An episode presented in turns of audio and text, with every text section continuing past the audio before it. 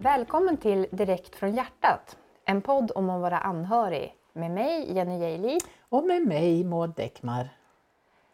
Och vi har ju tillsammans som mamma respektive syster till Fred som har autism och en grav intellektuell funktionsvariation lång erfarenhet av det här med att vara anhörig.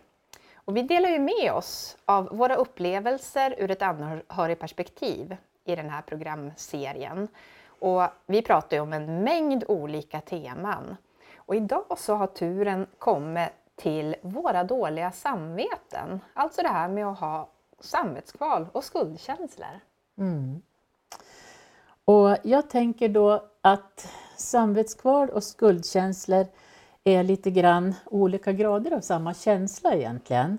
Att eh, dåligt samvete kan man väl ha ibland, lite till mans. Kanske när man ångrar något man har gjort eller inte gjort för den delen också. Eller eh, man kanske har behövt ringa en kompis och säga du, jag kan inte göra det där jag lovar helt enkelt. För det har hänt något. Och så hör man att den andra tyckte inte det var så kul och så får vi lite dåligt samvete kanske. Men skuldkänslor kan jag väl tänka är lite djupare ändå, kanske följer oss mer genom livet. Att man kanske har en känsla av att man har brutit mot sina värderingar eller familjens eller samhällets värderingar till och med. Att man eh, har brutit mot ja, något betydelsefullt kanske och så får man självförebråelser eller till och med skuldkänslor. Och eh, har man mycket sånt i sin ryggsäck så kan det väl också vara en hög risk att man har fått lite sneda föreställningar eh, Eh, eller vad jag ska kalla det för, men att det känns kanske som man beter sig väldigt illa.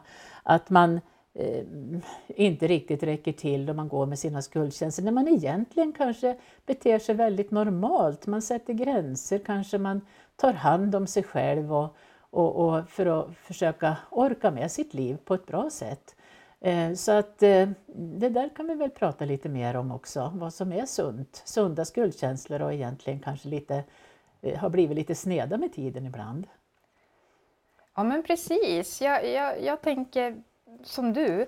Och eh, att, att vi kom på det här temat lite, det är ju att vi har väl levt, både du och jag, med mycket skuld och samvetskval genom livet. Det kan vi väl kanske konstatera. Absolut. Ja.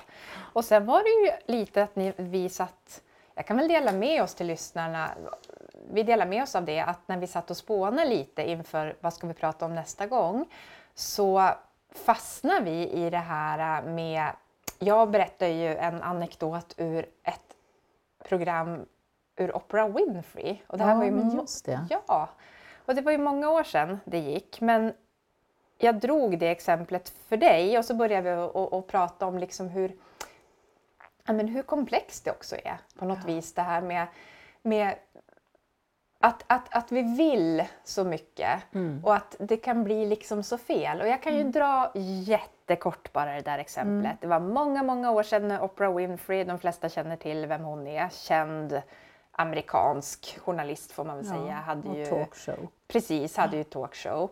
Och då var det ett avsnitt som liksom verkligen har levt kvar i mig så många år efteråt. För att då hade hon en familj där. Eh, och så var det så att tonårssonen i den här familjen helt enkelt, det var ett, en massa syskon, hade väl utsatt något av de andra syskonen för ett övergrepp helt enkelt. Så det var ju väldigt eh, tragiskt och, och, jobbigt och mm. hemskt på alla sätt och vis. Eh, och den här mamman då, hennes lösning, hon skulle få hjälp i det här. Och eh, hennes lösning var ju liksom, de satt och pratade om hur de skulle kunna gå vidare när det här hemska hade hänt givetvis.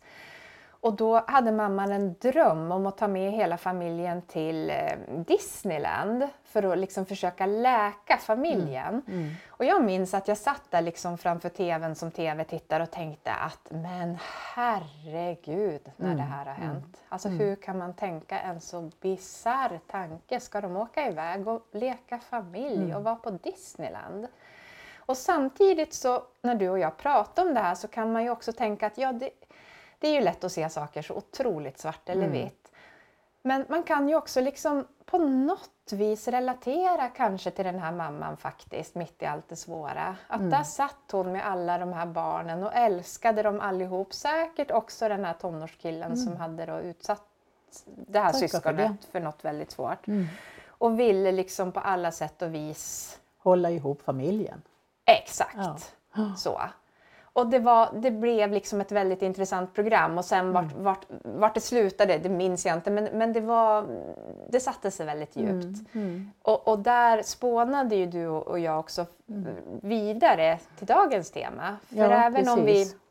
inte kunde relatera till just det där, Nej, Nej. det ligger lite långt ifrån. Det men, långt men det var ett ifrån. bra exempel ändå Ja. hur man som mamma kanske och familjemedlem liksom på något vis ändå gör väldigt mycket för att hålla ihop familjen och kanske läka eh, svåra sår i en familj och sådär. Ehm, och det finns ju liksom en förståelse just för det, för det temat att läka och hålla ihop. Även om man, man inte kan förstå just det som du pratade om nyss. Då. Men, eh, men eh, ja, det är klart att, att man också vill försöka hitta något sätt att leva vidare med säkert samvetskval och skuld även i det fallet. Då. Eh, Och sen hur man hittar vägar. Mm.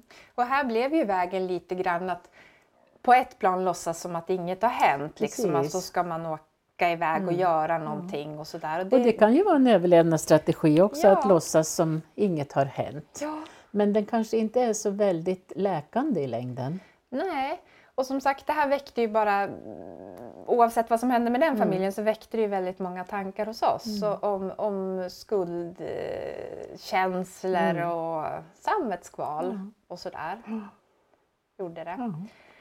Eh, och då satt jag och spånade vidare faktiskt när, när vi hade haft vårt lilla förmöte som vi brukar ha.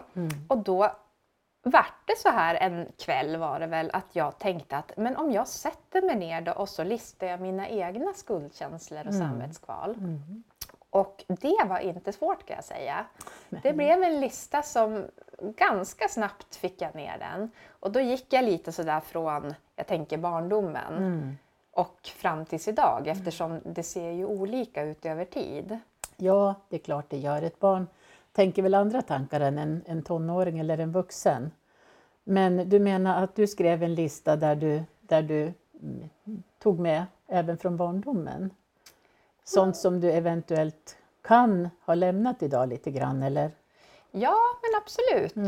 Eller, eller precis så. Eller även om jag kanske har kvar stråk av det där Mm. så kan jag ju idag inse att det är ganska, eh, ganska orimligt egentligen. Att så, Vissa saker. Vissa saker. Men det man har känt eller känner, det, det som man brukar säga, det känner man ju. Absolut, det har man Så. all rätt att göra. Ja. Men jag tänker, vill du läsa upp den här listan nu, här? Eller känner du liksom så mycket samvetskval inför att läsa den inför mig då? Så att, Ja, nej men det kan vi ju lista då som det första samvetskvalet då. Att Ja. det skulle ju kunna vara ett samvetskval. Det skulle det kunna vara, tänker läsa jag. listan. ja. Ja. ja, tack gärna. Ja, så då kommer det lite sådär, Mm. allt jag liksom fick ner. Och då börjar jag liksom i begynnelsen lite, så, som det var när, man, när Fred och jag var, var ganska små. Och det handlar mycket om att jag kunde ofta tänka att jag tyckte så synd om Fred, att han behövde födas med alla sina svårigheter. Och det kunde jag nog känna en slags skuld för nästan. Och så då spann man ju vidare till nästa, att jag fick födas utan att drabbas av allt det här svåra som han, han fick drabbas av. Orättvisan i det. Det har jag nog tänkt ganska mycket på under uppväxten i alla fall. Och sen kände jag ju ibland, också under uppväxten, skuld att, över att jag alls föddes. Eftersom mina föräldrar hade så mycket ändå. Och de hade jobbigt. Eh, och jag har ju såklart i livet känt samvetskval för att jag har tagit plats. Känt att, att jag kanske inte skulle ha gjort det eftersom ni hade så himla jobbigt ändå med Fred många gånger. Eh, och sen så kom jag vidare och tänkte att jag har ju känt mycket samvetskval för att inte räcka till. Och att jag ibland också har känt att jag har inte riktigt kunnat älska min bror. Fast jag har liksom krävt av mig själv att det borde jag ju göra. Mm. Men det har varit svårt ibland. Eh, jag har också känt samvetskval över, över det liv Fred har idag. Att jag inte ställer upp så mycket som jag borde. Jag skulle givetvis kunna göra mycket mer. Och det känns som att eh, det är svårt att göra tillräckligt för honom även idag. Och jag har känt samvetskval givetvis gentemot mina föräldrar, gentemot er. Mm. Jag har ju en, dig och en pappa också. Och det är ju att jag inte har avlastat er mer. Att ni har fått dra ett, ett tungt lass genom livet. Eh, jag har också känt samvetskval genom livet över att jag har öppnat upp om det här svåra ibland. Jag har ju exempelvis skrivit en bok Mm. eh, om eh, livet med Fred, eller uppväxten ska jag säga tillsammans med Fred. En sked för morbror Fred som vi har pratat om tidigare. Och jag har givetvis känt att eh, jag hänger också ut min familj. Även om jag inte har menat att göra det av några elaka skäl på något vis så, så har jag absolut känt samvetskval gentemot eh, er, mina Mm. föräldrar. Att ni ska kanske bli dömda av en omgivning som inte förstår. Mm. Ehm, Eller liksom i den här podden också så, så är vi ju väldigt öppna. Eh, ja, jag fortsätter att lista här. Gör det. Eh, Jag har ju känt väldigt mycket samvetskval över att det här uttrycket som eh, myntades tror jag i en väldigt populär serie som jag inte behöver nämna namnet på, men I love me more. Mm. Och det handlar ju om att eh, i det fallet så var det en kvinna som satte sig själv före den hon älskade för att hon sa jag älskar honom jag- I love me more. Och det har jag känt ibland att jag har gjort. Jag har liksom varit mig själv. Men det har ju också kostat liksom att jag har känt att ja, jag har känt skuld och skam över det till och med. Eh, och samvetskval givetvis alla gånger Fred har haft det verkligen extra dåligt. Det har han ju haft ibland i livet. Varit sjuk, inte kunnat uttrycka det eftersom han inte har ett talat språk. När det har varit liksom kanske mycket personal som har slutat, att det har varit väldigt jobbigt i hans liv. Givetvis har jag känt mycket mm, samvetskval då. Eh, ja, jag har väl också känt, det här var väl kanske mer förr, men, men det, väldigt mycket när jag var ung vuxen kände jag väl kanske det här att ett, ett, lite press inifrån mig själv att kanske väga upp för Fred. Vad allt, Det lyckade barnet. ja precis, vad allt det han inte blev. Mm. Att då var det ju liksom jag då som skulle liksom gå igenom allting och liksom Kompensera. Ja men kompensera, för liksom så hade jag också inte gjort någonting, då hade ni liksom inte haft något barn som Som var lyckat. Nej, eller som... Ja, för att ja, vi- hårdra vi det. hårdrar, jag hoppas men, du eh, förstår. Men, ja. men det, är, och det vill jag ju poängtera, att det är ju ingenting som ni föräldrar har pressat fram på något vis. Men jag har väl själv lagt på med det, helt enkelt. Och sen så fick jag ju själv barn. Jag har ju tre barn, ganska stora idag. Eh, och då kom ju de här samvetskvalen över, över en trötthet som livet har gett mig. Att jag inte själv har varit en optimal förälder. För det har jag ju verkligen inte varit. Att jag haft dålig ork, känt mig ledsen, deprimerad i perioder och känt av den här svåra stressen efter, efter många svåra år med Fred. Och den energilöshet som det har burit med, burit med sig. Och det är klart att det har känts... Jag har haft otroliga skuldkänslor gentemot mina barn många gånger. Eh, ja, och skuld eller samvetskval också över att jag inte ens nu, vid 45 års ålder, kan tycka att livet alltid är kul med Fred. Jag kan fortfarande bli jättetrött när jag hör att han har det dåligt. Mm. Även om jag tycker det är så synd om honom och så tråkigt. Men jag kan bli otroligt trött Mm. och känna samvetskval för det.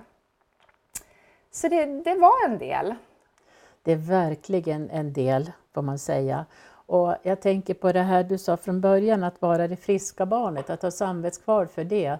Eh, Det, det kan man ju översätta, man har hört ibland någon som överlever som har dåligt samvete eller känner skuld för att jag överlevde men min bror dog i olyckan eller någonting sånt.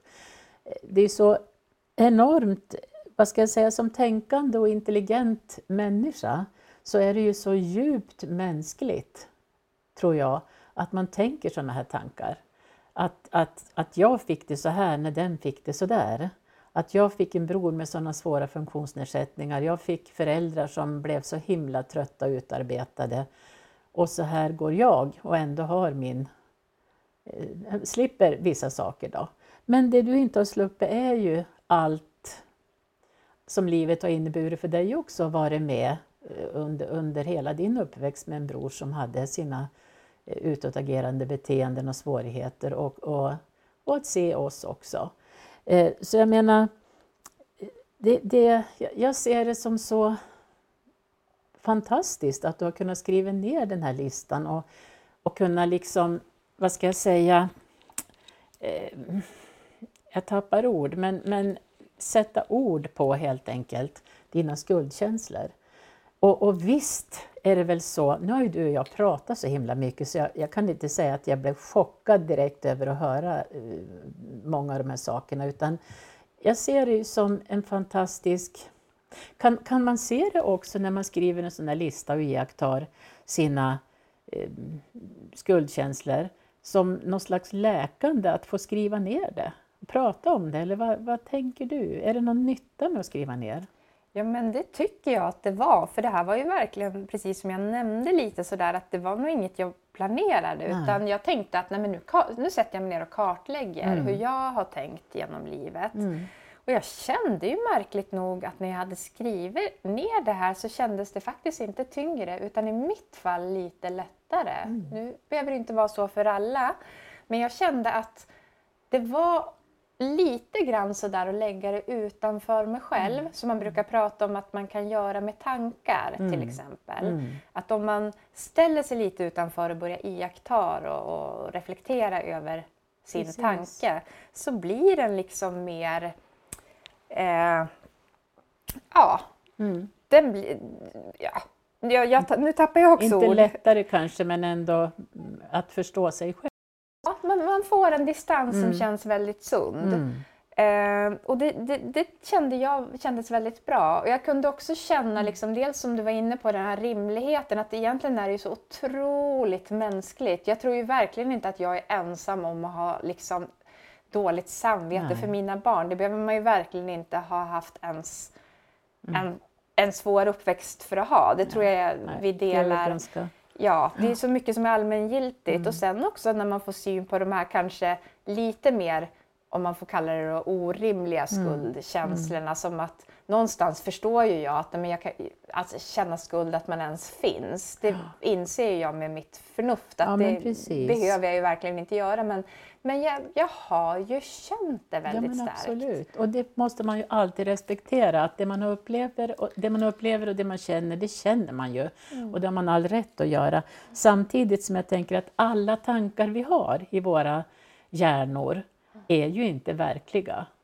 Utan det måste vi också komma ihåg att ibland gör ju vår intelligens och vårt förstånd att vi till exempel tänker så här att jag har dåligt samvete för att jag blev till, för min mamma och pappa fick det så jobbigt. Mm. Det är klart att det är ju ingen tanke som egentligen är verklig och sann.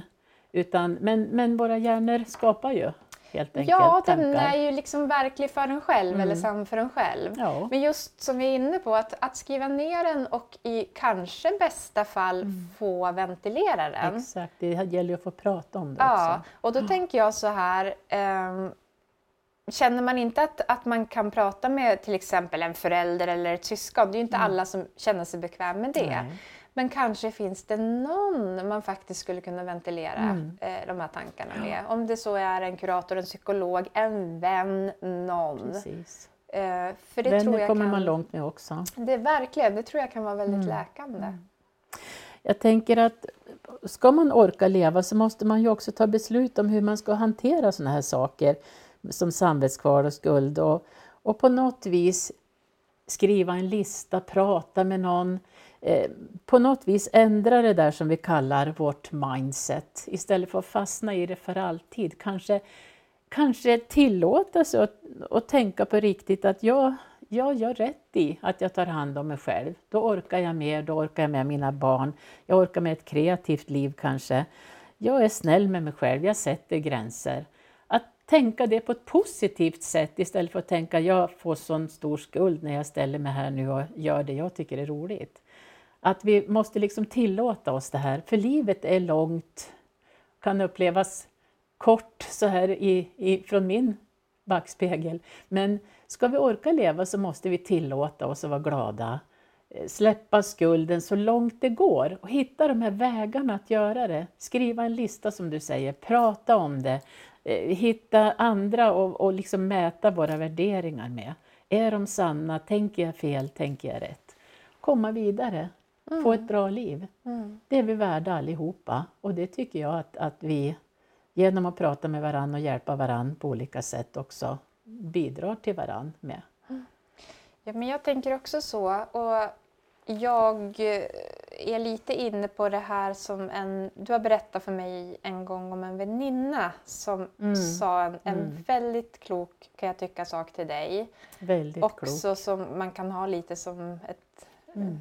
Eh, en slags ledstjärna. Ja men absolut, jag, jag berättar om det eh, också. Då. Och det var ju min goda vän Ylva som en gång när jag skulle bjuda hem Fred en söndag, det är ganska många år sedan, eh, han, men han hade flyttat hemifrån. Jag skulle bjuda hem honom på söndagen och så sa jag till henne att det har varit så jobbigt nu en tid med, med allt möjligt, men jag måste ju bjuda hem honom på söndag för att jag, jag har så dåligt samvete om jag inte gör det. Och eh, då minns jag så väl att hon sa till mig att ja men vill du att han ska komma hem? Ja egentligen orkar jag inte, så jag, men jag, jag, jag har så dåligt samvete så jag orkar inte leva med det heller. Och då sa hon det där som jag aldrig glömmer, nämligen att men du kanske måste bära ditt dåliga samvete och leva igenom den här söndagen utan att bjuda hem Fred, men, men ändå gå vidare med ditt dåliga samvete. Och det där lärde mig så himla mycket. Jag har tänkt på det så många gånger, att bära mitt dåliga samvete istället för att totalt driva mig själv i däck på grund av att mitt dåliga samvete säger till mig att göra saker. Så Jag tycker det är en väldigt klok sak. Sen är det inte alltid enkelt att bära sitt dåliga samvete. Men eh, det, mig har det hjälpt att tänka ibland att bejaka att jag inte orkar och mitt dåliga samvete bär jag och sen får jag agera på ett annat sätt en annan gång när livet är annorlunda. Mm. Jo, för det gör ju också att vi då klarar av att räcka till för oss själva och för andra ja. om vi inte pressar oss så ja. hårt hela tiden. Absolut. Ja. Och det här är ju det enda liv vi också har och det ska vi leva så bra vi kan. Ja. ja. Det kändes som vi avrundade lite där. Ja. Vill du säga något mer? Nej, men jag tycker också att eh, det känns som att, att vi är ganska färdiga här. Mm. Det, det kom mycket, det var som en kram idag men eh, jag tänker att vi tar med mm. oss de insikterna. Det gör vi. Och så säger vi tack för idag och så hörs vi av igen någon gång framöver. Tack för oss! Hej då! Hej!